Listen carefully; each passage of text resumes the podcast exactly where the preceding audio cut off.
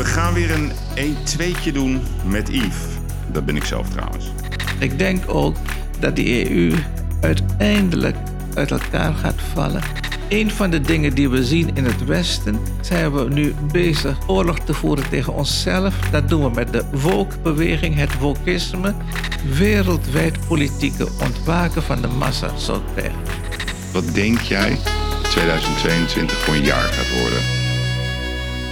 Lieve luisteraars, beste kapitaals. Ik hoop dat u een eh, fijne kerst achter de rug heeft. En het is, eh, ja, het is weer tijd. Het is maandag. Het is weer tijd voor een nieuwe uitblinker. Vorige week had ik ehm, als gast Kees Zegers. Hij is eh, de oprichter van nu.nl. Geeft niet vaak interviews. is een visionair. Mede-initiatiefnemer van ehm Earth Today. Heel bijzonder. Om op een positieve manier een positieve bijdrage te leveren aan het beschermen van de aarde. Uitgebreid met hem over gesproken, veel inspirerende gedachten. Ik zou zeggen, luister nog eens eh, rustig terug naar dat gesprek. En ik voel een behoefte aan mensen die vooruitkijken. Dus ja, vandaag heb ik een hele erudite man in de uitzending. Hij zit al tegenover mij. Hij is geboren in 1963 in eh, Suriname. Hij heeft een eh, Surinaams-Hindoestaanse achtergrond. Ehm, een, ja, hoe moet ik het zeggen, een futuroloog, trendwatcher. Ik ga vragen precies wat dat inhoudt. Hij heeft een, eh, een enorme rit aan ervaringen. Hij heeft een hele lange lijst aan boeken geschreven. Dit wordt een gesprek die alle kanten op gaat schieten. We gaan het hebben over de wereld, we gaan het hebben over de micro-economie, de macro-economie, over China, over Nederland en over leiderschap. En vooral, wat gaat er gebeuren in de komende jaren? Ik zou zeggen, ga er rustig voor zitten. Ik eh, ga met veel plezier nu in gesprek met Ajit Bakas. Ja, welkom eh Ajit. Zeg ik het goed? Ajit Bakas? Yes. Helemaal goed, hè? Allereerst, Ajit. Je hebt van die, ja, dat kunnen de luisteraars niet zien, maar je hebt, even kijken, zes of vier gouden ringen. Vier, ja. Ja, die vallen nog op. Hebben die ook nog een betekenis? Nou, die ene is een moderne versie van de oude Joodse trouwringen uit Italië en Oost-Europa. Mijn man is Joods, dus het is mijn trouwring. Heb ik van hem gekregen. Dat is mooi. En de andere, hebben die nog iets? Eh, nou ja, eentje is, een, eh, die is uit de jaren zeventig, toen we erg met de natuur bezig waren. Het zijn allemaal gewoon eh, een soort allemaal tak met een, met een saffier erin. Dus nou ja, zo hebben ze allemaal wat. Ja, nee, maar ik kijk naar jij. Je hebt gele schoenen. eh, je ziet er flamboyant uit. Ik moet het toch in deze winter en deze duistere eh, coronadagen het toch een beetje eh, leuk maken. Ja, en daarnaast zag ik ook dat je met de, met de stok omhoog moest lopen. Ja, Volgens mij heb je hetzelfde meegemaakt als mijn broer. Je hebt een herseninfarct gehad, Yes. hersenbloeding. aan de rechterkant, hersenbloeding aan de rechterkant. En dat is beter dan aan de linkerkant, want links zit je spraakvermogen. Dus als ik hem links had gehad, zou ik moeilijker kunnen praten. Een vriendin van mij heeft hem links gehad, die heeft echt een jaar moeten leren opnieuw te praten. En sommige mensen le- leren, kun- kunnen dat nooit meer. Nee, en je kan hem ook nog hebben, zeg maar, net voor de schors, wat bijna nooit voorkomt. Dan heb je helemaal een probleem. Dat had mijn broer dus. Oei. Ja.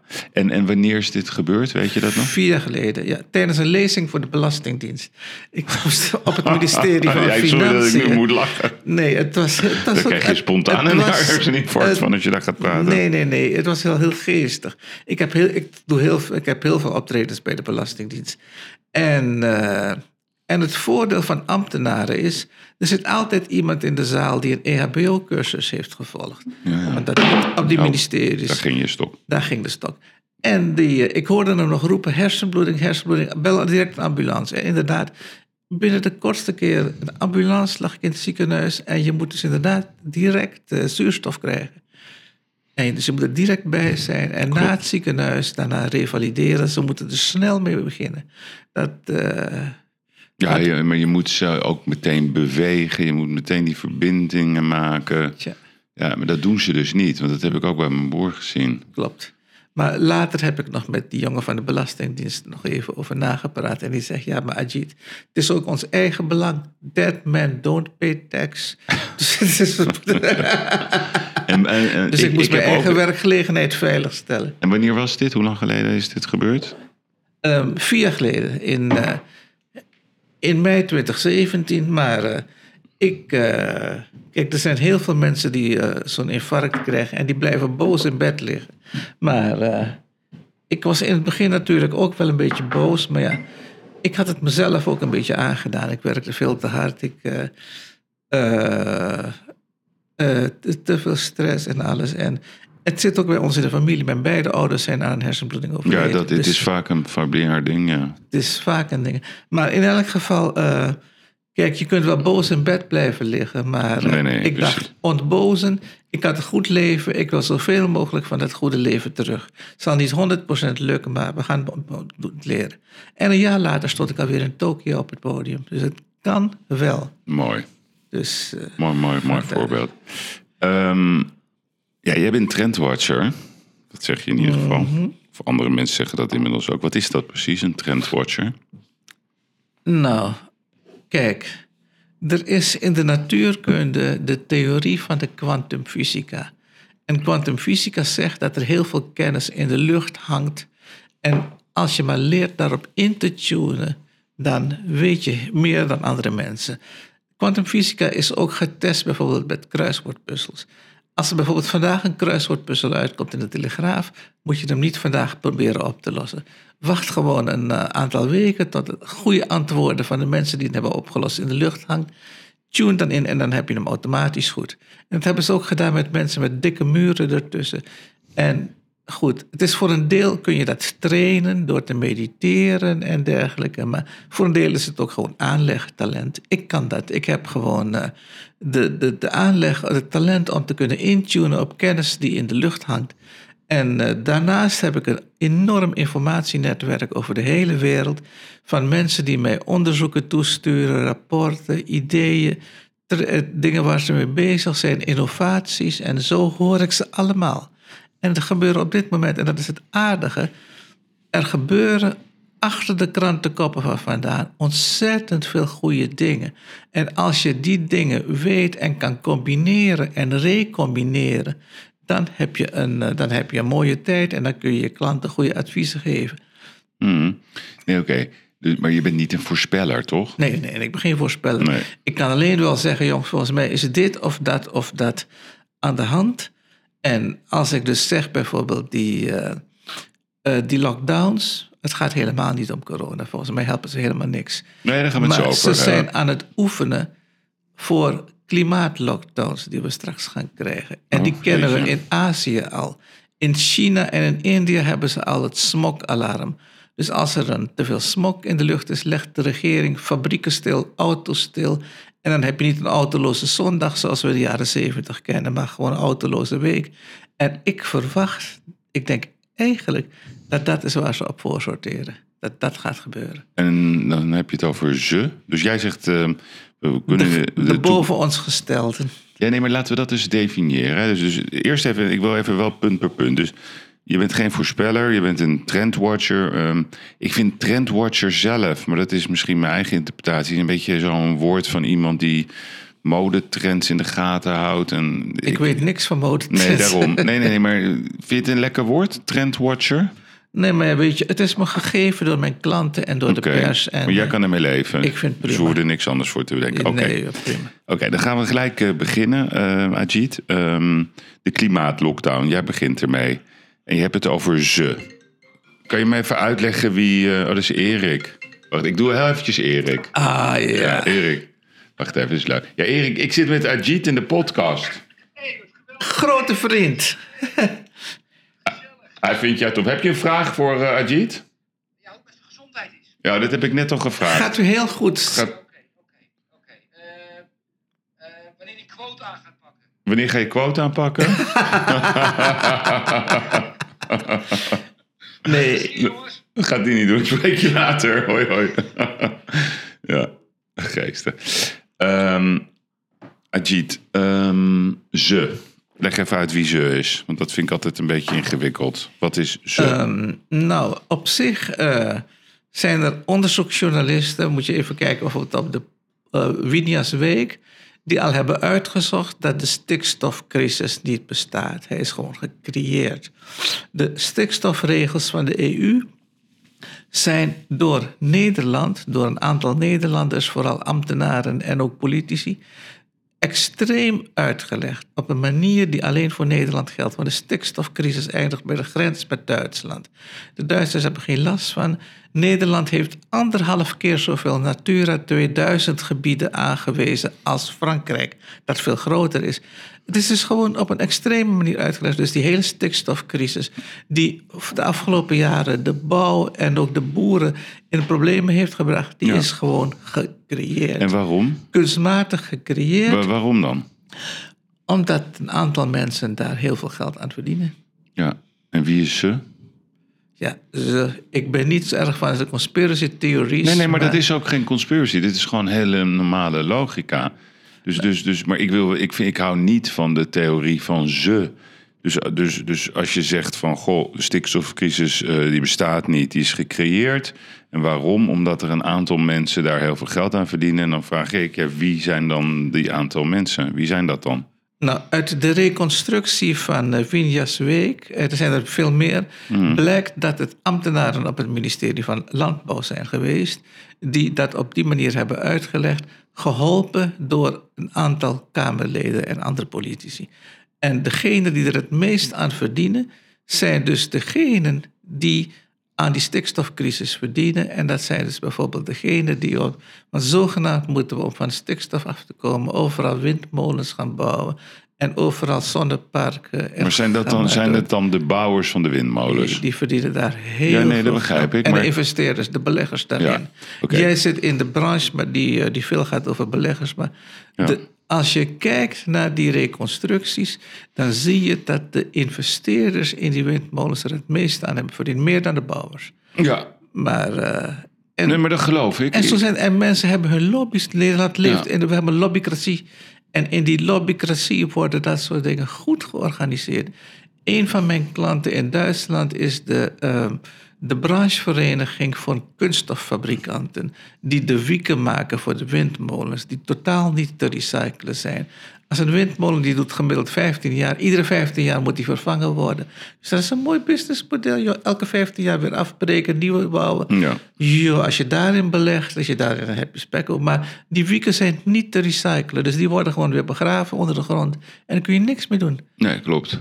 Maar wat ik dan niet begrijp, hè, ehm, dan, dan, dan, dan, dan de, de boeren, hè, zo laten we ze zo even noemen, die worden onevenredig hard aangepakt. Ja. Maar de boeren doen ook wel mee aan de windmolengekte. Nee, oké, maar wacht. De boeren worden onevenredig hard aangepakt. En, en, en de bouwmensen die worden krankjoren van zeg maar, de gekkigheid rondom alle vergunningen. Ja. Ik kan zelf dan niet plaatsen waarom eh, zowel de boeren als de bouw er niet in slagen om zich te verenigen en om een blok te vormen. Om dit gegeven heel hard onderuit te halen. Want dat zijn geen achterlijke mensen, zou Ben ik ik zeggen. met je eens. En je zou zeggen, de bouw heeft als voorman Maxime Verhagen... die als minister overigens een, al een bouwvergunning afgaf... voor een kern, nieuwe kerncentrale. eh, Ja, ja. eh, en die niet is gerealiseerd. En de boeren, ik weet niet wie de boerenleider is... maar volgens mij hebben ze drie of vier boerenbonden. Dus dat Ja. is ook niet heel Ja, handig. maar dus daar zit misschien het probleem. Dus, dus, dus, dus jij zegt feitelijk, eh, heel erg veel draait om de lobby. Ik denk ook dat dat waar is. Dat zien we ook in corona. Bijvoorbeeld als je ook kijkt naar de horeca, die schreeuwen heel Ja. hard. Die worden boos. We hebben wel eens Kalitouba en die gaat dan... eh, ze maken me kapot, Yves, ze maken me kapot. Maar ik zeg, ga nou gewoon met die mensen praten. Achter gesloten deuren, zeg wat je wil. En Ja. ik zeg, je krijgt het nog voor elkaar ook. Ja. Dus, dus, dus hoe, wat is een goed, hoe moet je goed lobbyen? Misschien is dat een leuke, leuke suggestie. Nou, je moet eh, zodanig lobbyen dat, eh, dat je het, eh, ook op de belangenagenda van anderen inspeelt. Van degene die je. Ja, ja. Ik heb ooit van een gepensioneerde militair, kolonel geleerd. Je moet altijd de omringende terreinen bezetten. Dus als je van iemand iets gedaan wil krijgen, moet je eerst de adviseurs om hem heen, degene waar die het meest naar luisteren, die moet je eerst omkrijgen. En daarna je hoofddoel. Je moet niet direct op je hoofddoel eh, eh, afgaan, maar eerst degene ja, eromheen. ja. ja. Dus eerst eh, zoete broodjes bakken, toch? Ja. Ja. Met stroop vang je toch meer vliegen dan met azijn. Ja, ja, dat ben ik met je eens. Ehm, Oké, dus dat is eigenlijk al de eerste vervelende conclusie. Stikstofcrisis, is trouwens jouw woorden, hè? de stikstofcrisis bestaat niet. Ehm, daar wordt heel veel geld aan verdiend. En de partijen die daar erg veel geld aan verdienen, dat zijn overwegend de beleggers die weer achter de windparken, de windmolens en de zonnepanelen zitten. Die hebben een dusdanig sterk Ja. ja, apparaat eigenlijk om dit er doorheen te krijgen. Daar word je niet blij van. Laten we dat, Daar eh, word ik niet vrolijk van. En dat geldt niet. ook voor die, eh, al die bossen die nu worden gekapt in de Baltische Staten om op te stoken in Ja. biomassacentrales. Houtstook, jongens, dat is zo ouderwets. Ja. Maar waar ik wel heel blij van word, zijn de innovaties van deze tijd. Rolls-Royce heeft in Nee, maar, Engeland... nee, maar we gaan te snel. We gaan te snel. Ja, Wacht even, anders wordt het echt niet meer te volgen. Oké. Ehm, ik wil even terug naar. Ik wil zeker naar de innovatie straks met jou. Maar even terug naar het heden. Ik Ja. heb, eh, vorig jaar heb jij ehm, een, een soort. Ja, ik wil niet zeggen voorspelling, maar aan het begin van het jaar had je het over, over, over de coronacrisis. Toen zei jij, ja, dat is, een crisis is goed. Dat leidt tot veranderingen. De- sommige processen zullen versneld gaan. Je had het ook over de zorg. Nou, we zijn nu een jaar verder. Er is helemaal niks gebeurd.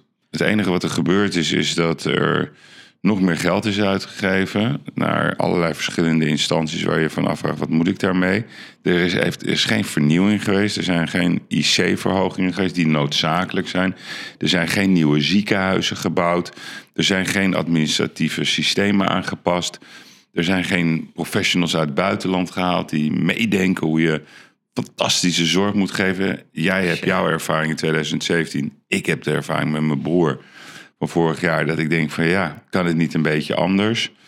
Dus we hebben weer een jaar verloren. Ja, klopt. We hebben een jaar verloren. Maar dat is natuurlijk omdat Waarom is dat? we met z'n allen alleen maar hebben geleerd om mooi weer, met mooi weer te zeilen.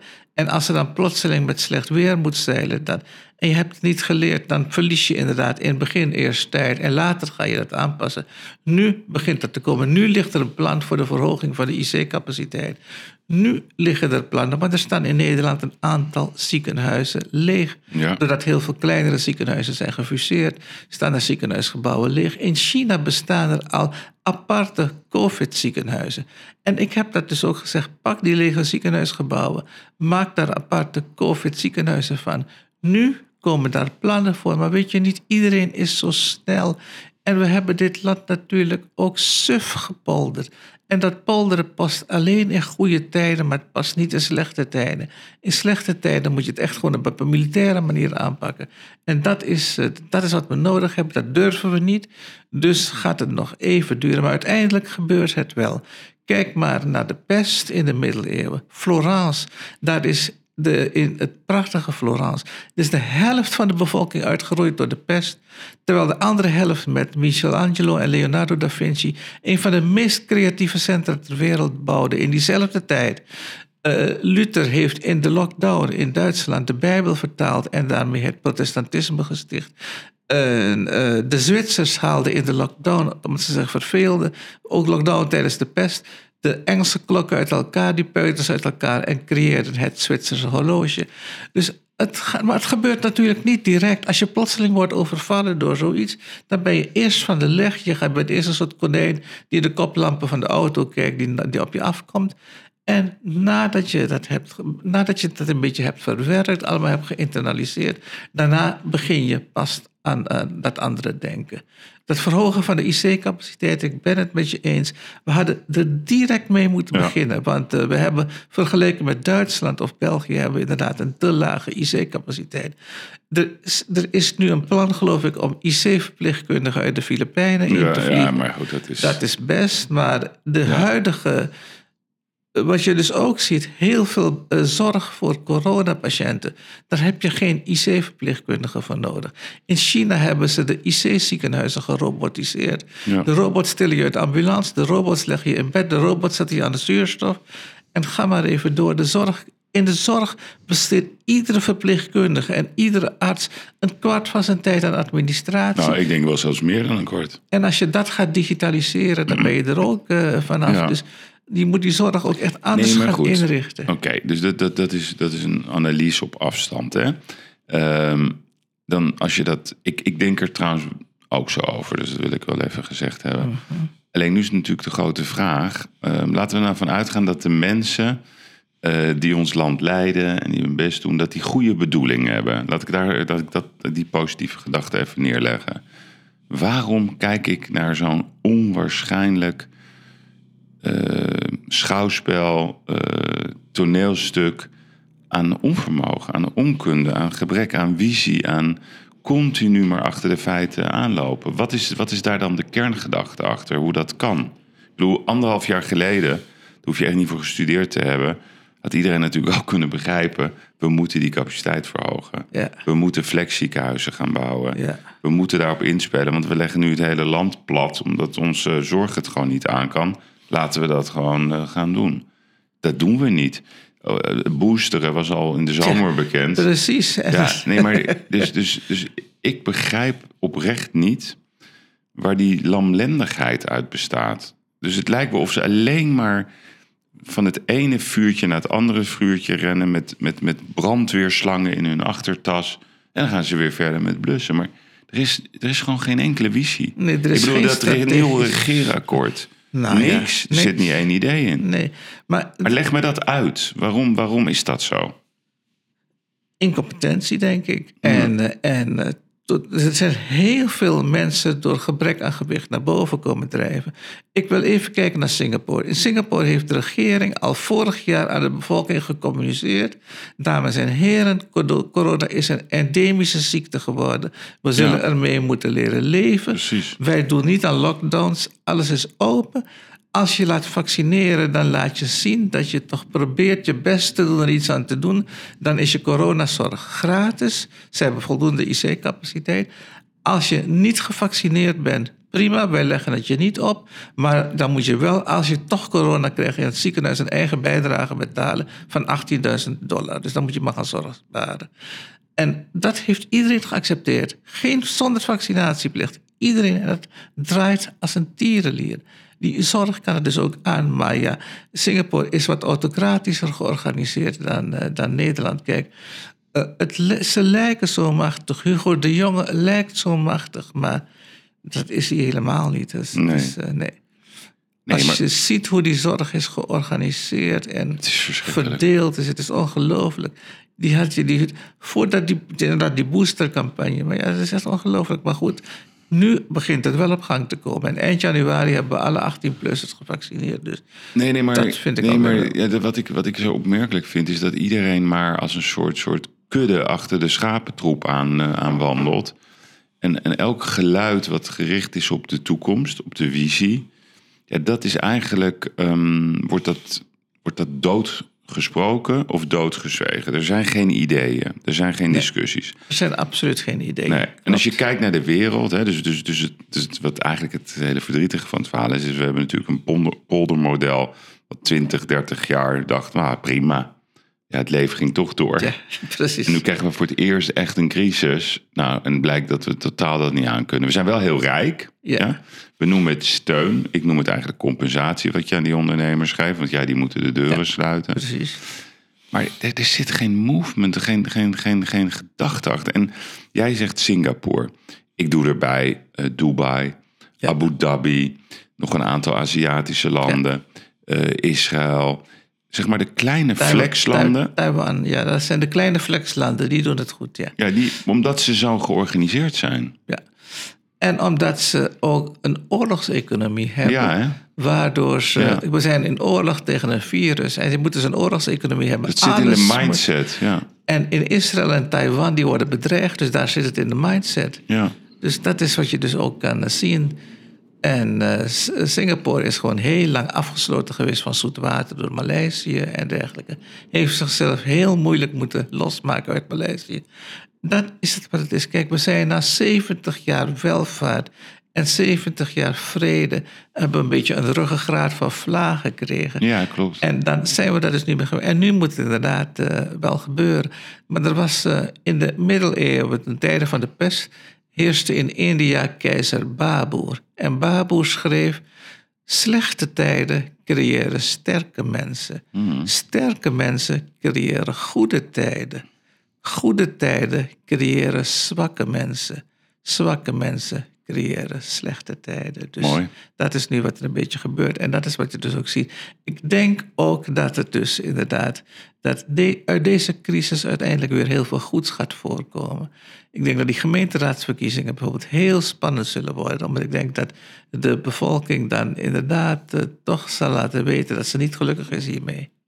Nee, oké, maar kijk, als je, dus, dus, dus ik pleit al heel lang voor de Jip en Janneke-economie. Ja. Want we, ja, we zijn compleet geglobaliseerd. Ja.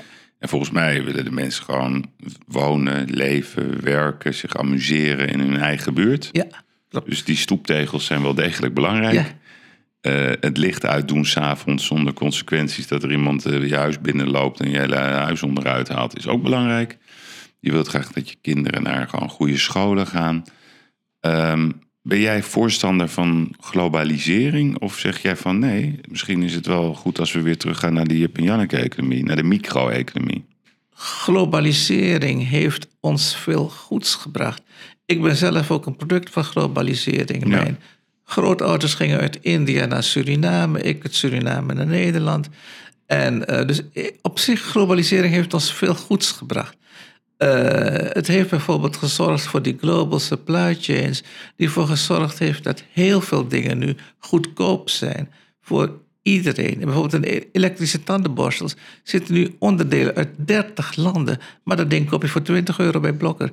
Dus dat is dankzij de globalisering. Het is wel een goedkoop, want ik heb toevallig van de week een elektrische tandenborstel gekoeld. En die was iets, die was iets duurder. Nee, nee, ik, ik, dat was geen Chinees. Nee, nee, maar 49 was zo'n de ondergrens. En. Uiteindelijk was het 99. Maar goed, ik ben straks heel benieuwd naar de tip van jou waar ik die Maar ik pleit dus in mijn boek voor globalisering. En wat is dat? Die globalisering is te groot geworden. Het is, Ik noem dat de hyperglobalisering.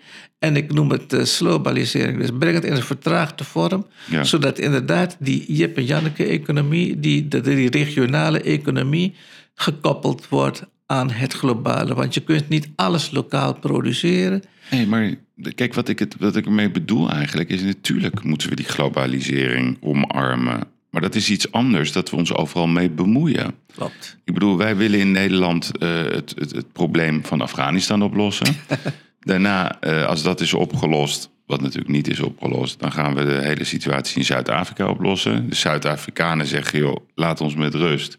We hebben het hier onder controle en gooi onze grenzen alsjeblieft niet dicht. Dan denken, nou, dat is eh, niet gelukt. Dan schakelen we gelijk over naar Denemarken. Dus we hebben de Denen de hele tijd genegeerd, want die deden het heel goed. En nu zeggen we, kijk, in Denemarken is er ook een probleem. We, we benoemen de Zweden niet meer, die het wel anders doen.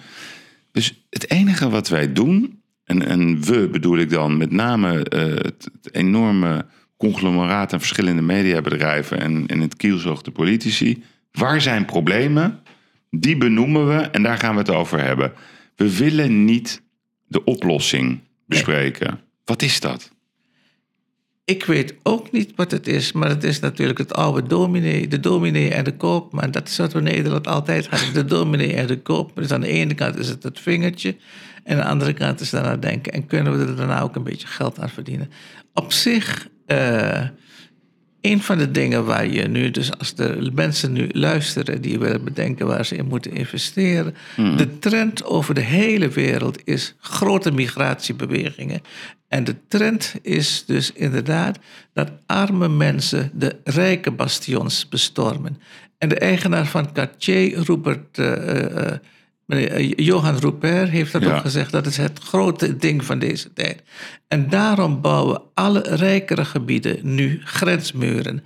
Zuid-Afrika is nu een grensmuur aan het bouwen om al zijn landsgrenzen, Brazilië idem dito, want Brazilië wil geen illegale immigranten uit Venezuela enzovoorts hebben. Dus Brazilië bouwt een grote muur, Mexico bouwt een muur aan de zuidkant. Overal worden muren gebouwd. India bouwt een muur, grens met Bangladesh. Overal. En die worden nu in Oost-Europa ook gebouwd, met Polen, met de Wit-Rusland. Dus we gaan al terug naar die Jip en We Janneke. gaan er al naartoe terug. In de middeleeuwen was het ook zo. Dat elk land voor zichzelf weer opkomt. Ja, het begint weer te komen. Landen en regio's gaan weer. Dat, Ja. Daarom noem ik het globalisering. Ja, ja. Nee, maar dus dat is wat de mensen willen. Hè? Dus, dus, dus, dus, dus je ziet doordat alles open is gegooid, de controle is weg. Nou, dus de mensen gaan weer terug naar, of de landen gaan eigenlijk weer terug naar de basis. Maar wat moeten we dan met de EU? Wat is de bedoeling van de EU? Die, konden, die waren niet in staat eh, om meteen snel te schakelen ten, aanzien van de vaccins. Die waren niet in staat om snel te schakelen ten aanzien van de mondkapjes. Ze waren niet in staat om aan te geven wat eenduidig beleid is. Consequentie is dat elk land doet wat anders. Ik bedoel, in het heden, als wij samen zeggen, joh, we gaan even lekker eten, dan rijden we gewoon Antwerpen. Ja, precies. Of naar Düsseldorf, ja, alsof dat, eh, alsof dat een ander land is. Corona Ja. stopt bij de grens of zo. Dus het is, het is niemand die ik spreek, begrijpt het nog. Maar echt niemand. Nee, ik begrijp het ook inderdaad niet. Het is, eh, kijk, die, eh, de, de, de, de Brusselse elite, die, ik noem dat... Ik hou nooit zo van dat soort termen, Brusselse elite. Gewoon zullen we het Nou. gewoon noemen de Brusselse graaiers. ik noem dat... Elite vind ik een compliment. Ik, ik noem dat preaching water, drinking wine. Hmm. Als ik kijk naar de moddervet van Timmermans, die preekt dat we allemaal zuiniger en... maar die vreet zich vet. Ja, dat hebben we ook. Dat vindt Erik En ook trouwens. die vindt dat ook. Nee, maar dan denk ik van, joh, we zullen het, waar, waar hebben we het over? Ja. Maar eh, ja, ik, ben daar ook, ik word daar ook niet heel vrolijk van. En ik denk ook dat die EU uiteindelijk uit elkaar gaat vallen. Ja. Je ziet nu al dat Oost-Europa en West-Europa tegenover elkaar Ja. staan. Oost-Europa is na de val van de muur naar rechts opgeschoven, West-Europa naar links. Ja. En dan hebben we ook nog de kloof tussen Noord- en Zuid-Europa. Dat Mm. was in het Romeinse Rijk ook al zo. Hè. Zuid-Europa was, werd anders geregeerd dan Noord-Europa, was ook allemaal anders. Daarom zie ik die eenheidsmunt, die euro, dat is natuurlijk ook rampzalig. Die rente wordt door de ECB kunstmatig laag gehouden om die zuidelijke economieën te redden. Ja. Dus ik denk dat het uiteindelijk, maar omdat die politiek, eh, die, de, de, de, de, de, de, eh, dat zo sterk is, denk ik dat het wel steeds meer barsten krijgt, tot het uiteindelijk een keer gaat imploderen. Maar Ja. ik denk dat ze het nog een tijdje uit, uitzingen Ja, uitstellen. Dus jij denkt dat, dat, dat, dat die implosie, zeg maar, dat dat eh, op de korte termijn nog niet gaat gebeuren? Nee, ik denk een jaar of twintig. eh, Zo lang nog. voor het gebeurt, dan blijft het voortmodderen. Maar dat het in de praktijk al zo erodeert dat het straks eigenlijk al nauwelijks meer bestaat. En dat we al niet meer luisteren. luisteren. Dat iedereen al zijn eigen gang gaat, maar dat het formele einde nog een tijd zal duren. En dat geldt voor die euro ook. Ja, ja. Je ziet nu, omdat al die centrale banken als gekke, bank, als gekke geld blijven bijdrukken, dat niet voor niets die cryptocurrencies nu in opkomst zijn. En dat vind ik wel heel aardig. Het is niet alleen bitcoin, het zijn er meer. En wat ik het hele interessante vind, is de karat. Ken je die? De karat? Die... C-A-R-A-T. Die is op de markt gebracht door de Israëlische diamantbeurs. Ah, die En ja. de ja, ja, waarde. Van, die, van die crypto is gebaseerd op de waarde van de diamanten in de kluis van die Israëlische Ja. diamantbeurs. Dus dat, die hebben een onderliggende waarde. Die hebben een onderliggende waarde. En ik denk dat we dat gaan krijgen. Ja. Eh, de Chinese en de Russische centrale banken kopen enorm veel goud op, omdat ze hun munt toch willen stutten met goud. En in, in, eh, eh, nee, niet, eh, in Finland zijn er, is een groep ondernemers nu bezig met een nieuwe crypto die gebaseerd wordt op de waarde van goud. Ze kopen nu tonnen goud op in Zuid-Amerika. Dat slaan ze allemaal op in de kluizen van het oude Nokia. En ze komen dus de komende jaren met een nieuwe crypto gebaseerd op de oude goudstandaard. En ik denk dus dat die crypto, dat is wat er nu gebeurt. Je Ja, krijgt maar wacht parallele ik ga je wel even onderbreken. Want die karat, die kende ik dus niet. Die heeft eh, een hoogste koers gehad van 42,72 euro. En die staat nu nog maar op 90 cent. Nou, dat is, wel, dat is wel heel weinig. Maar ja, Ja, weet je, ja. die bitcoin jojo't ook. Dus Nee, nee, nee, dus maar die- dit is geen goede coin eh, volgens mij. Want ehm, deze, deze is wel heel erg negen- volatiel. 90 cent is wel heel weinig. Ja, is heel weinig. Nee, dus, dus kijk, ik, ik, ik ben zelf een grote fan van, van, van zeg maar de techniek achter de Ja. coins. En vooral de blockchain. Ja. Alleen, ik denk dat we toegaan naar, naar coins die wel degelijk eh, onderliggende gedachten hebben. Dus, dus bij, ja, de, de- hoe heet het, de bitcoin is gewoon de moeder van de coins. Ja. Bij, bij Cardano en Ethereum, daar, daar hou ik heel erg van. Dat is heel duidelijk die blockchain technologie. Die twee bekende, de Deutsche en de Shiba, Ja, dat zijn gewoon grappige Ja. coins. Maar ja, het is data en iedereen trapt er eh, om de een of andere manier neer. Maar ik zelf, maar misschien zie jij dat anders.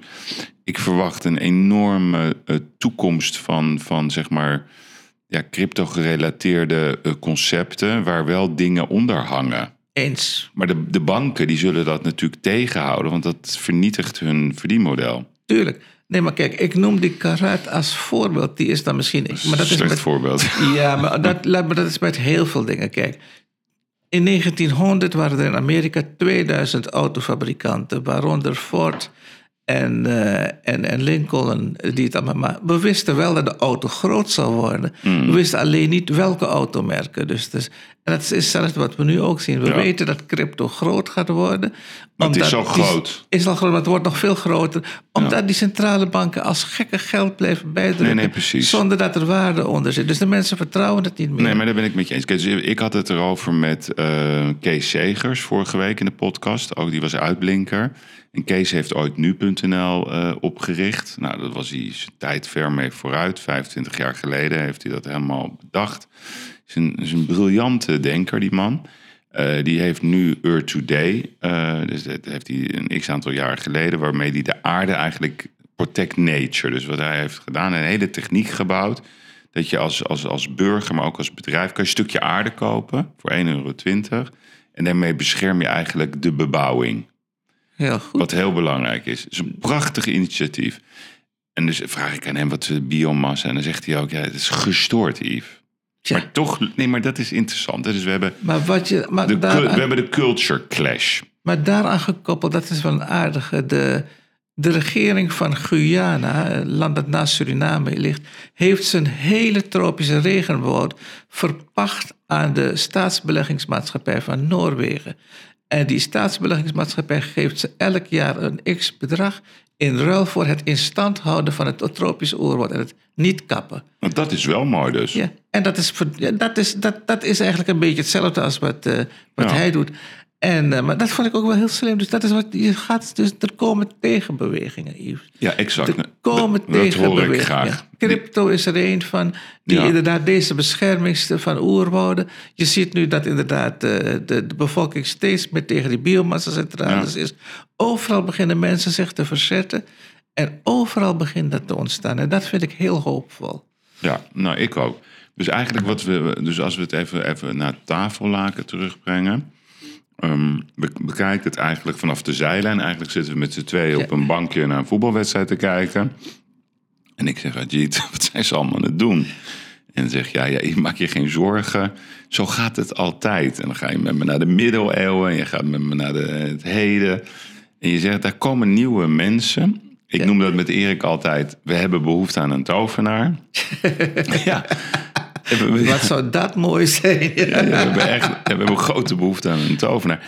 Ja, om, om het gewoon een beetje weer te normaliseren. Want we, we- ja, ik, ik, ben, ik, ik zeg heel eerlijk, ik zeg niet dat ik ze niet vertrouw. Maar het lijkt wel of ik naar een gekkenhuis zit te kijken iedere week. Zo kijk ik er echt naar. Ja, maar weet je, wij hebben nog, eh, eh, toch nog veel meer vrijheden. Mijn vrienden in China. Maar we hebben ook veel vrijheden. Dus Mijn er zijn ook heel veel goede dingen. Mijn vrienden in China die zeggen, Ajit, die communistische partij dat is gewoon een soort maffia. Ja. Kijk waar die, als een ondernemer te succesvol wordt, zoals Jack Ma, Ja. en populairder wordt dan president Xi, wordt hij onmiddellijk weggewerkt. nou. En zo zijn er wel meer. Zeker. En eh, bij jullie is het misschien ook maffia, maar jullie kunnen er nog wat aan doen. Wij kunnen helemaal niks. Wij mogen er niks van zeggen op social media. Wij, worden, Nee. Wij mogen helemaal niks. Dus ze zeggen, uiteindelijk krijgt onze democratie wel steeds meer autocratische trekjes. En ik denk uiteindelijk dat onze overheid hetzelfde. In China heb je het eh, social credit systeem. Dus dat je burgerschap, je krijgt burgerschapspunten. Dus als je overal hangen camera's met gezichtsherkenning. Ja. En die camera's registreren hoe jij je als burger gedraagt. Ja. Als jij regelmatig een oud vrouwtje hebt ben je daarvoor of ben je daarop tegen? ik, in het geval van terreurbestrijding heeft het zijn voordelen. Ja.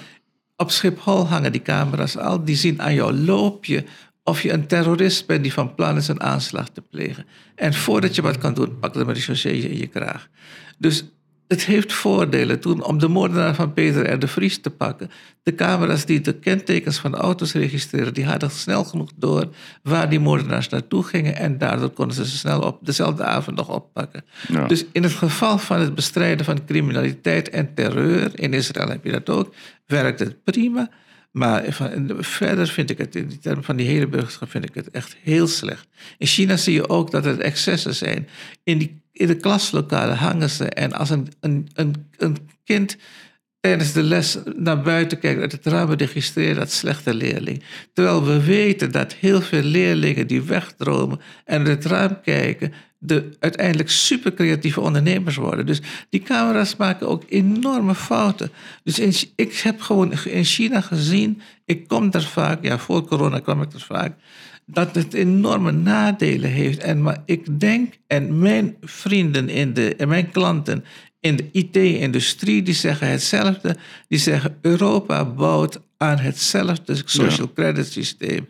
En daarom zit er tussen de mainstream mensen en de wappies zit er een groot grijs veld van mensen die het ook niet vertrouwen, maar die niet Nee, gelijk, dat noemen wij die, het stille midden. maar die niet gelijk wappies zijn. Ja, daar ben ik met je eens. Stille midden is een prima term. Ja. Maar dat is dus wat er gebeurt. En dat probeer ik in mijn boeken en ook in mijn lezingen. Dat, dat stille midden of dat, dat grijze middenveld. probeer ik een stem te geven en probeer ik zichtbaar te maken.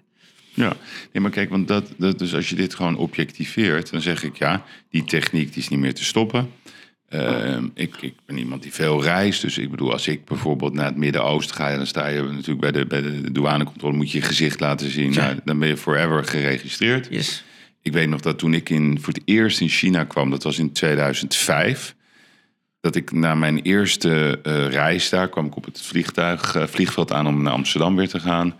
Toen werd ik meegenomen achter de douane en ik kreeg een hele vragenlijst waarom ik daar was en waarom ik in dat hotel was en waarom ik die sprak. Dus toen dacht ik al van oef, dit is wel heel eng hoor, deze controle. Dus, dus die innovatie die, die is niet meer te stoppen. En de angst is natuurlijk dat als de verkeerde mensen de macht hebben, ja, dan zit je weer in zo'n totalitair systeem. En daar Hoe kan je ik- dat bestrijden dan? Want En- die techniek kan je niet meer tegenhouden. Nee, en kijk, ik, ik, het zal me helemaal niks verbazen als we straks een QR-code krijgen qua klimaat en qua eh, CO2-uitstoot. Dan krijg jij een QR-code van de minister van Klimaat. Die zegt, Yves, je reist te veel, je, Ja. stoot zoveel CO2 uit. Jij mag alleen Ja, maar dat bepaalde- willen ze. Dat is wat dat- ze willen. Je mag, dat- ik denk dat ze dat willen. En wie zijn ze, jouw ze daar nu in dit Ja, geval? in mijn geval is dan de ze de EU. Dus ik denk dan echt aan, ehm, Timmermans en co. ja, aan Ursula von Leyen en iedereen die daar verbonden is.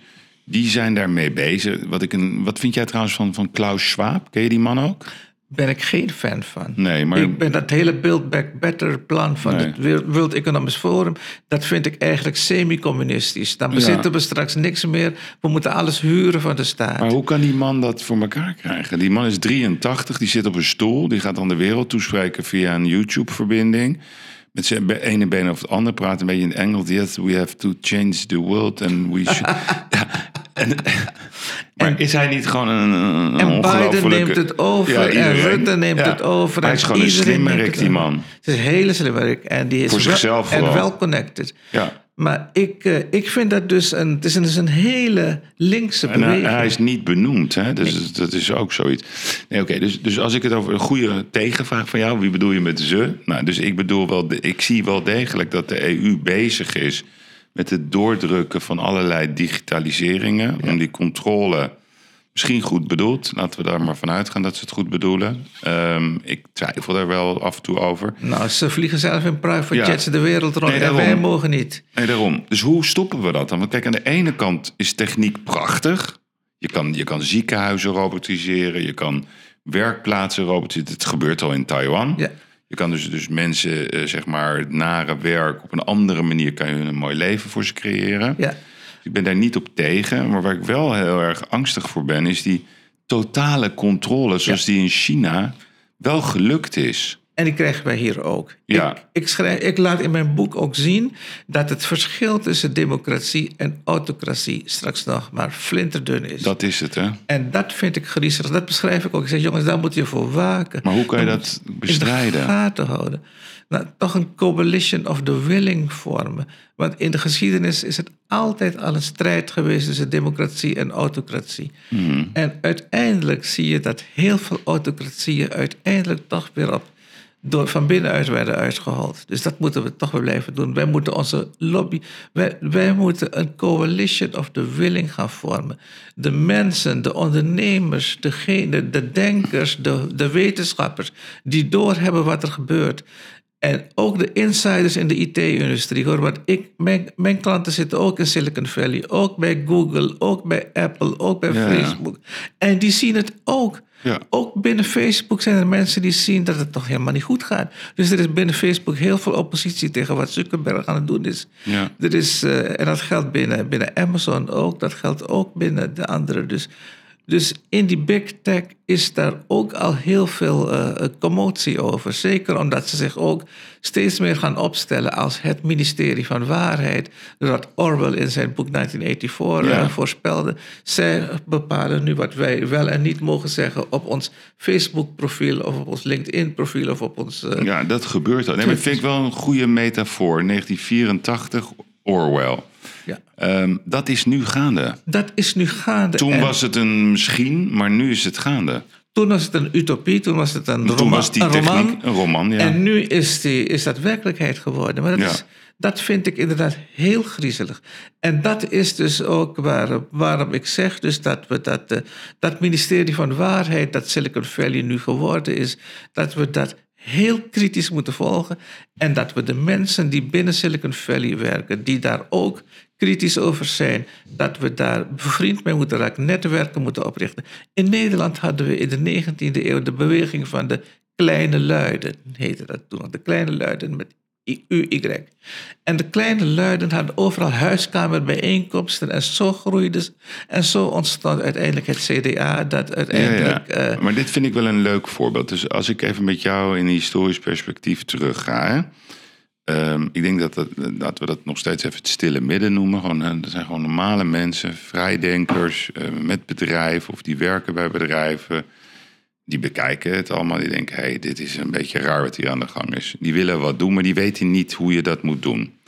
Wat vind jij nou een mooi, mooi voorbeeld uit de geschiedenis van een beweging dat je zegt van ja, dat, dat is nou het voorbeeld hoe je een krachtig, positief, sterk, zonder oorlog graag, eh, tegengewicht kan bieden?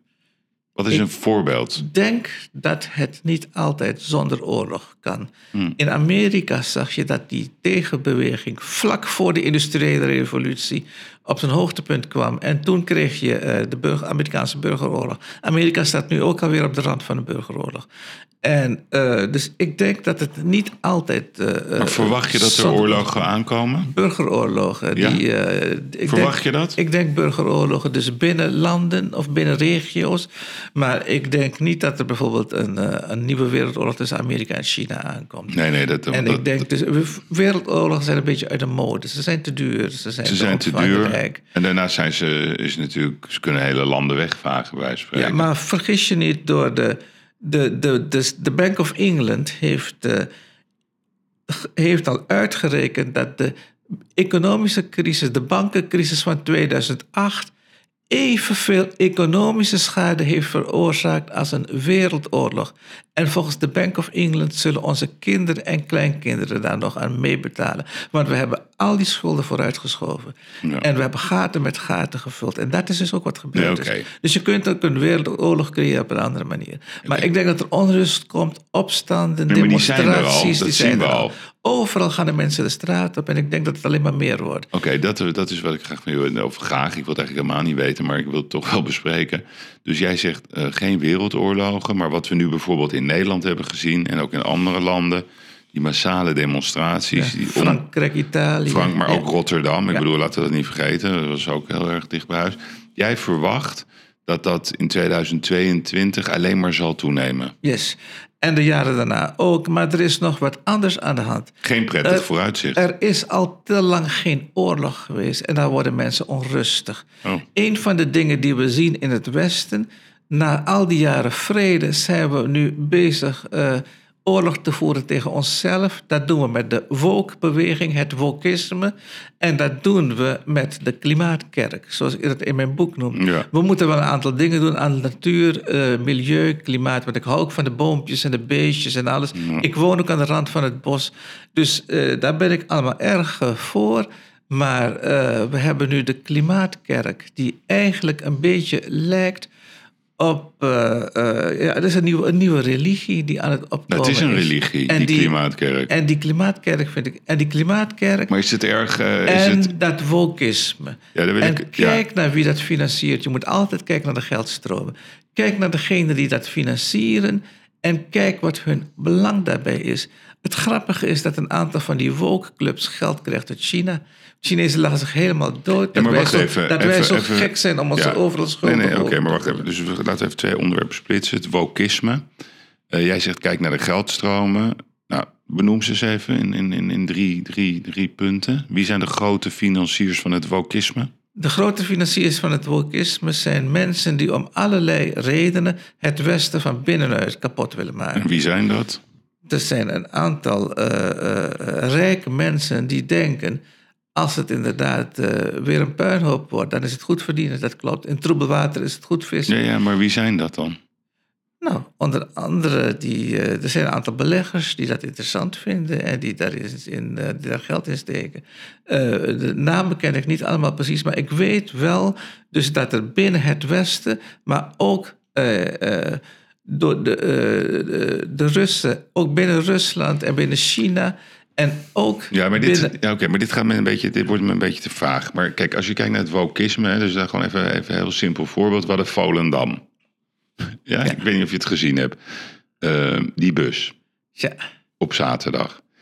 Ik heb ook begrepen dat eh, ze wouden eigenlijk eerst naar Urk. Nou, Urk kwamen ze niet in en toen dachten ze, we gaan naar Volendam. ja, het, is, het is werkelijk waar niet te geloven. Ze komen op een markt. Het is gewoon een markt daar. Dat waren trouwens overwegend geen Volendammers... die daar op die markt gewoon probeerden een leuke zaterdag te hebben... en een beetje geld te verdienen. Dan komt, komen ze, zetten ze die, die bus, die planten ze daar neer... Stapt een man uit met een microfoon, die gaat lopen blaren op een manier dat iedereen daar een racist is.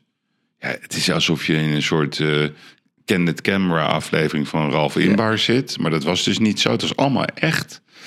En dan gaat de burgemeester van Volendam, die gaat nog een soort ja, middenstandpunt innemen. Ehm, de, de, de kerk, zeg maar, de linkse kerk van Amsterdam...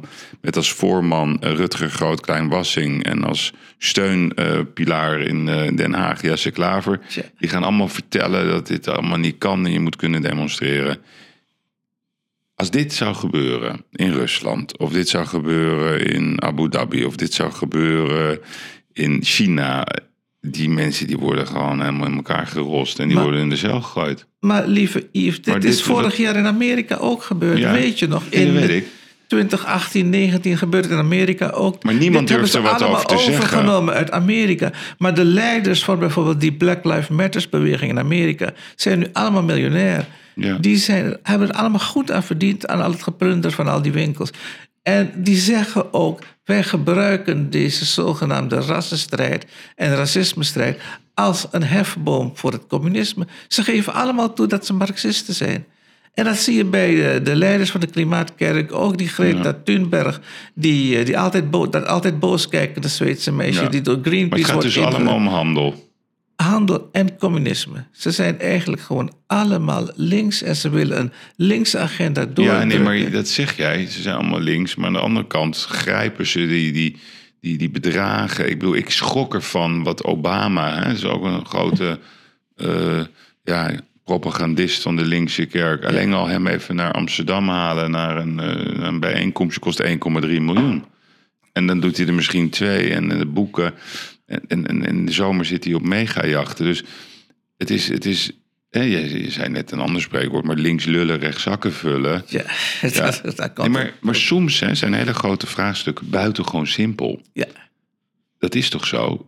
is het niet gewoon handel allemaal waar we het, Het is over hebben? allemaal handel, het draait om geld. en, het en dan wordt om communisme macht. wordt ingezet en klimaat. En kijk, mij nou eens goed bezig zijn. Maar ondertussen stappen ze in vliegtuigen en laten ze zich verwennen. En dan vliegen gewoon tien keer door. Het, het zal ze een worst wezen. Ja. Preaching water, drinking wine. Ja, preaching water, drinking wine, die, die is mooi. Maar dus, dus om dat, die gekte te stoppen, waar zit de angst, eh Ajit? Dat op het moment dat je een duiding geeft van dat wokisme... Dus dan zeg je, jij zei bijvoorbeeld iets over aquatie. Maar jij hebt een kleur, hè? Ja. Een mooie kleur. Dan mag je dat wel zeggen? Lijkt het daarop? Is dat het wat het is? Weet je, wat zei jij over aquatie? Die moet lekker eh, naar Afrika gaan en daar... Ik heb geloof ik over Aquasi gezegd dat er in Afrika nog steeds slavernij voorkomt. Op dit moment leven wereldwijd 200 miljoen mensen in slavernij. Ja. Waaronder groter in Afrika en, en Arabische landen. Dus ik heb ook tegen hem gezegd: joh, op de slavenmarkt in Libië koop je op dit moment voor 100 dollar een slaaf. Als je iets echt wil wat doen aan slavernij, ga nu een paar slaven vrijkopen in Libië. Dan heb je gewoon een openbaar slavenmarkt. Joh. Dat is. Ja, en daar heeft hij niet op gereageerd. Nee. Nee. Maar het is wel interessant. Dus jij, zei- jij zei, ik zat er even bij zoeken, want ik vond het wel een opmerkelijke uitspraak van jou. Ehm, ik ben even aan het zoeken ondertussen. Ehm, hier. Mijn advies aan Aquasi. ehm ga met je miljoenen Afrika opbouwen in plaats van Nederland te Ja. vergiftigen. Eens, ja. Ja. Ehm, je, je, je zegt ook, ehm, het, is, het is echt on- onwaarschijnlijk hè, dat het Nederland, waar, waar zoveel kansen zijn, waar hij ook gewoon volgens mij heel veel geld heeft kunnen verdienen, het is hem gegund. En dan op de dam gaat lopen blaren dat je Zwarte Piet in elkaar moet trappen en agressieve discussies. En wij kennen, ik ken dat helemaal niet, die haat en gewoon. En, en de allemaal wereld. uit Amerika ja, geïmporteerd. allemaal geïmporteerd. Allemaal het- uit Amerika. Ja, Ja. ja, maar we moeten wel allemaal ervaren en ondergaan. Ja, en dan moeten standbeelden omvergekieperd. Ja. En dan moet er, weet ik wat, eh, schilderijen uit het Maar Rijksmuseum niemand, verdwijnen. niemand stopt het. Want als er iemand hier wat over zegt, dan is het een rechtsextremist. Dan komt er een hele batterij aan. Kijk, Nederlanders schikken liever in dan een burgeroorlog te beginnen. is het. Amerikanen die, die slaan er wel op los. In Amerika heb je dat wel gezien. Ja. Toen die Black Lives Matter types eh, allerlei steden gingen bezetten. En zeiden de politie moet verboden worden, de politie moet afgeschaft worden.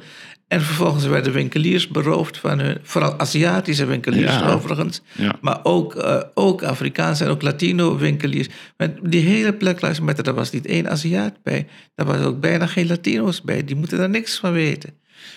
En toen, wat was het eh, antwoord tegen die gasten?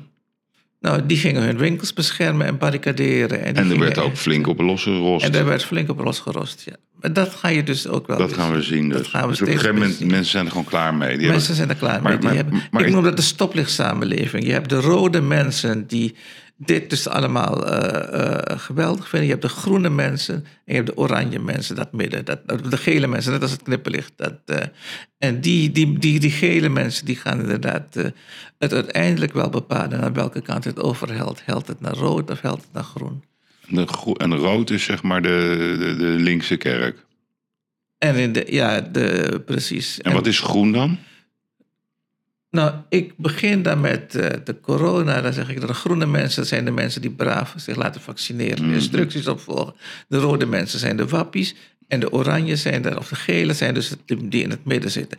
En als je dat stoplicht dan eh, projecteert op eh woke en, en de klimaatkerk, dan zijn zij de rode.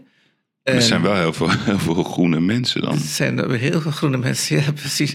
Ja. Ook hier geldt dus dat de meerderheid van de bevolking het eigenlijk eh, niet ziet zitten. Dus ook, dat zie je ook nu met het regeerakkoord. Er wordt iets doorgedrukt waar Ja. de meerderheid van de bevolking niet voor is. Maar ja, mensen blijven op hetzelfde stemmen. En anders krijg je wappies als Baudet. Dus ja, daar zit je ook niet echt Maar op is, niet, maar is er niet de conclusie, dat eh, roep ik al, heel, al, al volgens mij al twee jaar tegen Erik. Ehm, bedrijven die vernieuwen zich. Ja. Ehm, dus, want dat, ja, dat is nou helemaal zo. Hè? De wereld verandert, er komen nieuwe technieken. Ik denk, de overheid is het. Is, dus ik ben helemaal niet tegen overheid. Hè? En ook helemaal niet tegen die mensen. Alleen het overheidssysteem is, is nog ouder dan oud. Het is gewoon eh, helemaal dood. Qua, het is gewoon failliet. En waarom verandert dat systeem? Dus ik zeg altijd, je moet, 80% van de mensen moet naar huis. Niet omdat ze naar huis moeten, maar iedereen loopt stuk. Het maakt niet uit. Eh, Dus wie je er ook neerzet, of het nou Ajit is, of Yves Geirat of Erik de Vlieger, iedereen loopt stuk op het systeem. Omdat het namelijk een systeem is die niet gericht is op oplossingen en op vernieuwing en op creatie, maar op controle.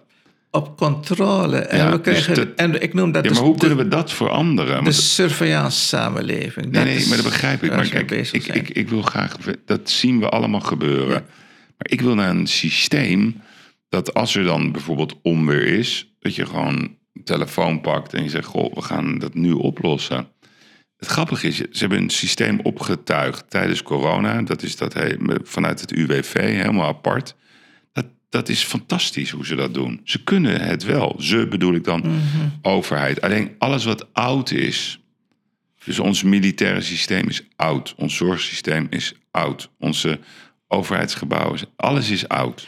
ja, maar Dat is toch niet meer, dat moet toch gewoon helemaal, helemaal op de schop, vernieuwd, modern.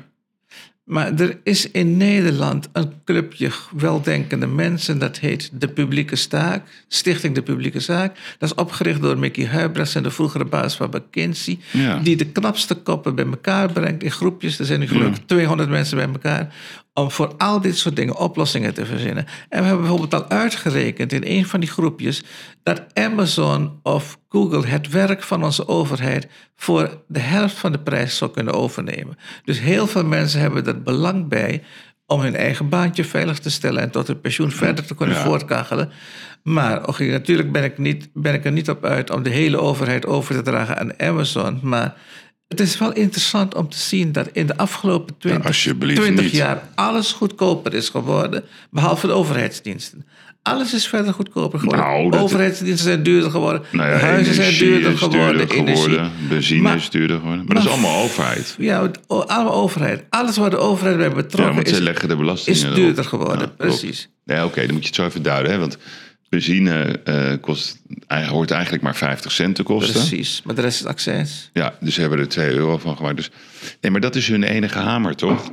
Ja, en dus daarom zij, zij zien de hele samenleving als een spijker. En op die Ja. spijker staat dan belastingen. Dus als ze denken, oké, ik weet het niet meer. Ja. Oké, we, gaan, we gaan weer... De reclame in Amsterdam, je kan het niet geloven. Al die winkeliers die het zo moeilijk hebben Ja. gehad. Reclamebelasting, als je een bordje buiten zet. Ja. Nee, maar ik ben zo benieuwd. Je zegt 200 eh, koppen, de publieke zaak. Weet je wat ik denk dat we nodig hebben? We hebben helden nodig. Echte helden. Absoluut. Absoluut. We hebben, we hebben inderdaad die helden nodig. Maar vergis je Maar niet, wie- wie is dat belastingmechanisme gebeurt dus nu ook in Spanje. Al die, Nou, mensen die, al die mensen die denken, jongens, we doen nu zonnepanelen op het dak. De Spaanse regering heeft nu al een zonnepanelenbelasting ingevoerd. Omdat Ja.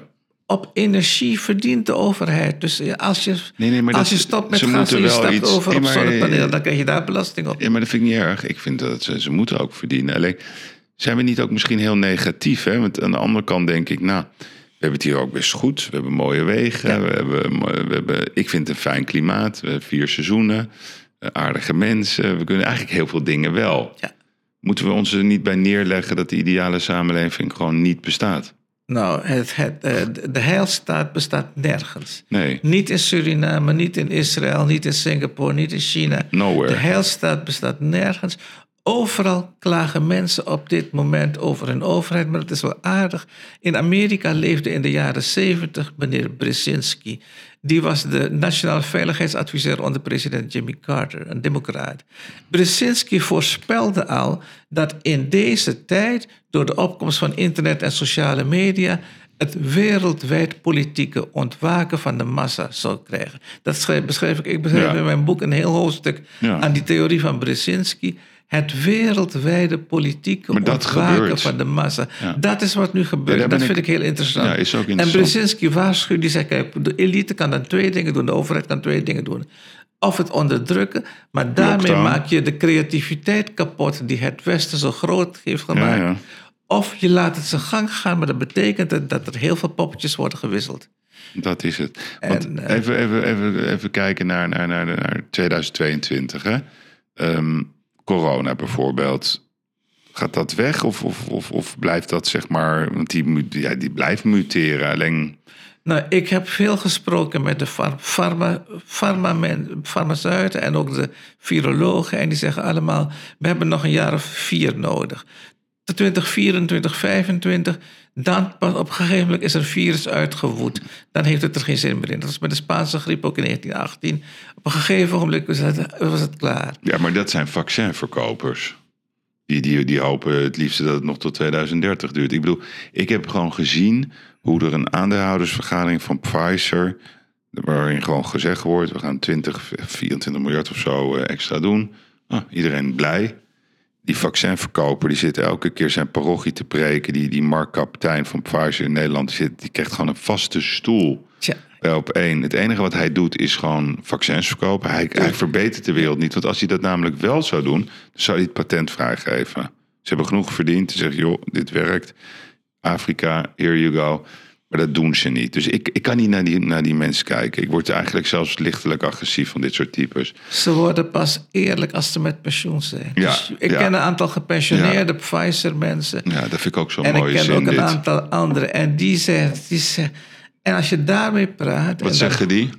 Die zeggen: het is. eh, op een gegeven ogenblik. Nee, is het, zeg eens, maak je zin af. Wat zeggen, ze? op een gegeven ogenblik is het uitgewoed. Dan heeft het ding. Dat hebben we met de Spaanse griep zonder vaccinaties uiteindelijk Ja. ook uitgewoed. Maar waarom moeten we dan tot 2024 hiermee bezig zijn? Het beest reist met ons mee. Het Ja. reist overal met ons mee. Punt. Want in 1918 reisden we niet Maar zoveel. jij doet hier ook aan mee. Want kijk, ik vind, mijn standpunt is, dit is het. Punt. Leer ermee leven. Leer ermee leven. Ja. En we gaan eh, als een gek investeren in extra zorg, in extra IC-capaciteit. Punt. En in pilletjes, omdat En als, Je het, als je het krijgt, Ja. dat je er snel van maar thuis dat kunt weten we genezen. al. Dus dat is al, dat is al te doen. Dus waarom lopen we de hele tijd aan achter die gekte van die lockdowns? Ik snap namelijk niet Omdat we brave burgers zijn. Ja, En, maar dat eh, is het dus. Hè? Want er is nu een heel underground. Dat gebeurt elke keer. Denk- Denk je nou dat de economie gesloten is? Nee. Nou, wake up. Ik bedoel, als jij naar de kapper wil, naar de sportscholen, naar de nagelstylistes. wi- Alles is underground. Allemaal underground. Ja, dus het ga, en dat is juist minder hygiënisch. Het is ook niet goed. Dus ze denken dat, dat, dat, dat, dat de maatregelen werken. Dat is totale onzin. Want dat is gewoon niet waar. Dat werkt gewoon niet. Dat klopt. Maar dit is ook een, gewoon een repetitie voor de klimaatlockdowns. En dit is ook een repetitie voor de controlesamenleving. Ja, maar of wie... de ja, surveillance ja, samenleving. Maar dat vind ik dan eng. Want dan, dan ga ik twijfelen aan de goedheid van onze leiders. Ehm, is dit niet ook gewoon angst waarom ze dit doen? Dat ze denken, nou ja, ik heb het in ieder geval gedaan. Dan kan ik niet de schuld krijgen. Als er straks een parlementaire enquête komt, dan kom ik er schoon uit. Wie komt er schoon? Ja, die mensen, ja. De beslissers, dat ja, is precies. dus hun Ja. motief. Ja, Want eh, reken maar dat als dit over een aantal jaren geëvalueerd wordt, dat er dan. eh, Ja, maar ze, ze krijgen geen straf dus. Dus, dus voor falen, daar staan, daar staan geen negatieve punten op. Dus, dus, dus als jij... Dan worden ze lobbyist. En dan worden ze... lobby- Nee, maar dat is toch het, gewoon de, dan hebben we toch de hele cirkel. Ja. Dat is toch het hele verhaal. Er is toch helemaal geen ander verhaal. Die mensen gaan daar in Den Haag zitten. Die krijgen dan 100, 120.000 euro. En dan kunnen ze elke dag eh, hun optreden doen. Ze mogen op tv.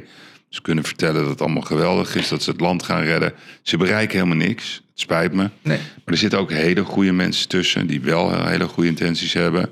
Ze durven geen risico's te nemen. Want ja, aan fouten maken zitten nooit consequenties. Kijk naar de toeslagenaffaire. Ja. Maakt helemaal niet uit wat je doet. Niemand heeft er iets En dan van. krijg je een nieuwe baan. En dan word je Ja. burgemeester. Ja. Ja, nee, maar dat is toch gewoon... Laten we gewoon eens een keer eerlijk zijn. Het systeem is gewoon helemaal failliet. Helemaal mee eens. Helemaal mee eens. Maar dat betekent dat inderdaad, als, kijk, uit faillissementen ontstaan weer doorstarten. Ja. Dus uit dat failliete systeem ontstaat straks, denk ik wel, een doorstart. Nee, maar dat is en de die vraag wie dat gaat doen. vind ik. Ja. Ja, ik ja. denk die nieuwe. Op zich de kleine luiden, zoals ik dat Ja, dan het noemde, kleine luiden, De kleine ja. luiden gaan het doen. En die underground bewegingen, inclusief die underground, eh, de, de, de, de nieuwe crypto's en al die dingen. Er Ja, dat is gaande Er is een parallele economie gaande. Ja, ja, oké. Hey, en, en even nog even ook gewoon iets positiefs. eh, 2022 Gaan er ook eh, gewoon even je voorspellingen. Ik bedoel, dus ik ga je niet daar na een jaar eh, zeg maar eh, allerlei over bevragen. Van goh, je had dat toen gezegd en dat. Wat denk jij dat 2022 voor een jaar gaat worden? Nou, ik denk dat we vanaf 2022 weer anders tegen China gaan aankijken dan in de jaren daarvoor. We hebben het eerder gehad over het omvallen van Evergrande, maar er is in China nog veel meer los. President Xi heeft al twee moordaanslagen overleefd. Er is eh, binnen de communistische partij ook enorme onrust. Binnen het land ook. Jonge mensen zijn ook niet gelukkig. Dus ik denk dat als straks die hele vastgoed in China, er staan hele steden die leeg staan. Allemaal van die spooksteden. Die vastgoedbubbel is krankzinnig. Nee, maar dat is over China. Dus, dus wat denk je? Dus even China lig je er nu uit? Wat er gaat gebeuren in China? Ja, ik denk, Opstand. Nee, nee, nee, niet direct opstand. Maar ik denk wel dat er enorme verliezen zullen worden geleden. doordat die vastgoedbubbel eh, ontploft. Ja. En dus dan verder- krijg je weer een soort, soort ja, hoe moet je het zeggen, 2008 effect. Lehman effect in het Ja, groot. Kijk, China heeft in 2008 de wereld gered. Ja. En eh, ik, ik, ik denk dat dit trouwens niet gaat gebeuren. dat het wat gaat imploderen. Nee, ik denk dus namelijk dat die Chinezen, die, die- dat, dat hele Evergrande scenario, dat hebben ze al opgelost. Ja, dat, er zijn nog meer. Gaan, Ja, nee, weet ik. Maar ik- ik denk dat het niet gaat gebeuren. De, de kleine luiden, de Chinezen die hun pensioengeld hebben verloren... omdat ze daarin hebben Zijn ze heel boos over. die zijn boos. Ja, En dat is een probleem. Maar ik ben het met je eens, de communistische partij zal het allemaal redden. oké. Maar, eh, Laten we even naar dus de EU gaan, wat dichter bij huis. Wat gaat er gebeuren in de EU in 2022?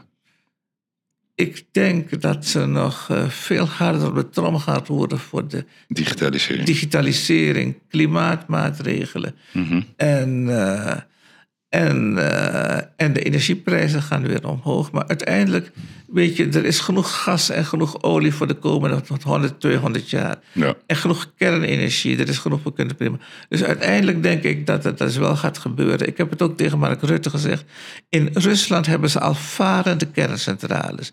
Als ze gewoon, laat Poetin een paar van die kringen hier naartoe varen. En we borstelen twee en drie volgende week. In, eh, in, in Engeland bouwt Rolls-Royce vanaf komend jaar 52 mini-kerncentrales. Ieder is zo groot als een voetbalveld. En dat betekent dat ieder dorp, iedere stad zijn eigen mini-kerncentrale kan krijgen. En dat kunnen we dus in Nederland dus ook. Maar het begint in Engeland. En de Engelsen hebben eh, de vergunningen. Rolls-Royce heeft het geld rond. De helft van de overheid, de helft van investeerders. Want investeerders stoppen nu ook inderdaad naar kernenergie. Ja, leuk. Een, een kerncentrale gemaakt door Rolls-Royce. Heeft iedereen toch een beetje een Rolls-Royce, hè? Ja, maar Rolls-Royce, dat komt van de... Rolls-Royce maakt al heel lang de, de kerncentrales voor de Engelse onderzeeboten. Iedere grote onderzeeboot van, die wordt aangedreven door kernenergie. En dat kleine ding hebben ze dus nu Ja, op het gebracht. Maar laten we even, nu gaan we nog een stapje lager. Nederland. Wat gaat er gebeuren met het leiderschap in Nederland in 2022? Want komt, er is nu een akkoord. Ja, en Ja. zoals ik al zei, we schikken liever in dan een burgeroorlog te beginnen. Dus het we gaan gewoon, we rommelen lekker door. Het kabinet rommelt gewoon lekker door. Bij de gemeenteraadsverkiezingen verwacht ik dat de lokale partijen het grootst worden. Die zitten dichtst bij de Jip en Janneke-economie. Ja. Dus, eh, dus die zullen wel het grootst gaan worden. Dus het eerste signaal van de kleine luiden aan de eh, boven ons gestelde... van jongens, we willen toch terug naar Ja, dus wat, dus wat jij zegt, en dat, dat, denk dat dat wel. dat- ik ga wel mee eigenlijk daarin dat. ehm, de lokalen, sterke lokalen, zullen eigenlijk hun eigen Jip en Janneke gaan creëren. Ik zie, er is een plaats in Schotland of Engeland waar je zo'n Jip en Janneke economie al hebt. Ach, wat leuk. ja, ik ja. weet alleen, ben even vergeten die plaats. En dat werkt fantastisch. Ja. Inclusief parallele munten. Want ze hebben geloof ik ook... In, ik dacht dat ze in dat soort landen ook een lokale munt hebben. Ja. Die alleen aan het lokale bedrijfsleven uit Ja, kan geven. kan, ja. Van die Ja, El Salvador probeert het ook, maar die, ik weet niet of de intenties daar helemaal goed zijn, maar dat, dat zullen we meemaken. Oké, worden we wereldkampioen voetbal? Gewoon iets heel Daar heb ik anders. geen verstand van. Geen verstand, heel goed. Ik heb er ook geen idee. Geen idee. Nee, nee, nee, nee. Dat, gaan we, dat gaan we allemaal meemaken. Het wordt in Het wordt geval een 2022 een vrolijk jaar. jaar. Onrustig. onrustig. En we gaan de vrolijkheid in eigen kleine kring organiseren. Oké, dus het wordt. Jij, jij denkt dat de onrust eigen- blijft. Onze eigen hondenmand creëren. Waar we ons kwispelend in terug kunnen trekken. En de onrust blijft, ja, tuurlijk, de onrust blijft. Mensen beginnen. Je ziet nu ook al dat het vertrouwen in het coronabeleid nu enorm erodeert. Ja, Nu zijn het niet alleen de wappies die de media opzoeken, nu zijn het ook dat, dat, dat, dat, dat midden, eh, de- dat verstandige midden, zoals jij dat noemt, ja. dat, eh, dat die mensen nu inderdaad hun mond beginnen open te doen.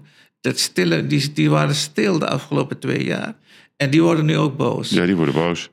Eh, Het is 2022. Geloof jij in, in, in Chinese astrologie of niet echt? Ja, het is het jaar van de tijger Ja. volgens de Chinezen. Ja, de Chinezen zeggen jaar van de ja, tijger. en, ja, en eh, Wat houdt dat in dan, het jaar van de tijger? nou ja, wat een tijger eh, inderdaad altijd doet, het is een fel jaar. Tijgerjaren zijn altijd felle jaren. Tijgers zijn We gaan, je, we gaan beestjes. jagen. We gaan jagen. En- Of er wordt op ons gejaagd. Ja, ja, dat is altijd het geval. nou ja, laten we vooral Maar op, op, we gaan proberen er het beste van te maken en een coalition of the willing eh, te Ja, vormen. de Coalition of the Willing. Ja. Oké. En Ajit. jongens, ga mediteren. Jij ook. Regelmatig mediteren, want dat is een Doe ik soort al. stofzuigen van je ziel. Ja, ik doe dat op de fiets. En dan kun je ook beter eh Zeker. intunen op de kennis die in de lucht hangt. Staat Want er genoteerd. hangt een heleboel kennis in de lucht. En dat komt Staat allemaal goed. genoteerd. Dankjewel. Ik wens je in ieder geval een fijne kerst. Jij hetzelfde? Veel liefde in 2022. En eh, ja, we hebben ernaar geluisterd. Ik, ik word er niet heel vrolijk van, wat je man me hebt verteld. Maar aan de andere kant ja, denk ik ook wel dat er dingen gaan veranderen. Ik ben het wel met je eens dat eh, elke crisis leidt tot verandering. De vraag is of de coalition of the willing eh, een positieve beweging is. Met goede mensen die, die gewoon dingen gaan doorbreken. Zonder geweld. Kleine luiden. We gaan het zien.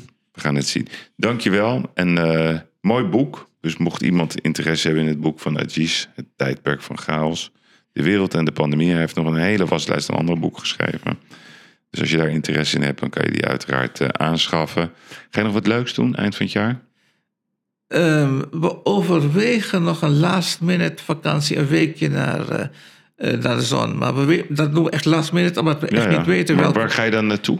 Wij dachten ergens in Spanje. Wij dachten wel binnen de EU. Oh, wel binnen de eh, EU. ja, Maar dat is niet heel warm. Ja, een beetje. misschien ehm, Malaga, misschien. Ja, Gran Canaria Ja, of zo. Zoiets. Ja, zoiets. maar, en anders niet. En anders eh, houden we het zelf ook leuk. Dus, eh, Oké. En kook jij dan s'avonds eh bij, bij het kerstdiner? Of, eh, nee, wij hebben, omdat mijn man en ik allebei eh, chronisch ziek zijn. Mijn man heeft longkanker. Jeetje. Ik heb hersenbloeding gehad, dus wij vormen met z'n tweeën één gezonde man. Dus wij hebben een verzorgster, dat is Anna. Die komt uit Slowakije, die woont bij ons in huis. Oh, dat, oh ja, die ik net heb ontmoet. En die zorgt voor ons. Die, Lief, die rijdt ons, die kookt geweldig. En Oké. die, die kookt een prachtig kerstdiner. Nou, dus, mooi. Mooi dat je, hoe je in het leven staat. tja.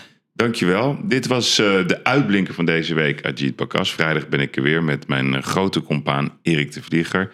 Dan gaan we terugkijken, we gaan vooruitkijken. We nemen zeker ook wat eh, overwegingen van Ajit mee. Dus vrijdag zijn we er weer. Met een, met een grote show ook dit jaar. Omdat ja, het einde van het jaar is in zicht en we gaan voorspellen. We gaan het ook hebben over Klaus Schwab. Waar we vorig jaar natuurlijk een hele analyse van hebben gemaakt. Maar voor nu, denk na over wat Ajit heeft gezegd. Dank voor het luisteren.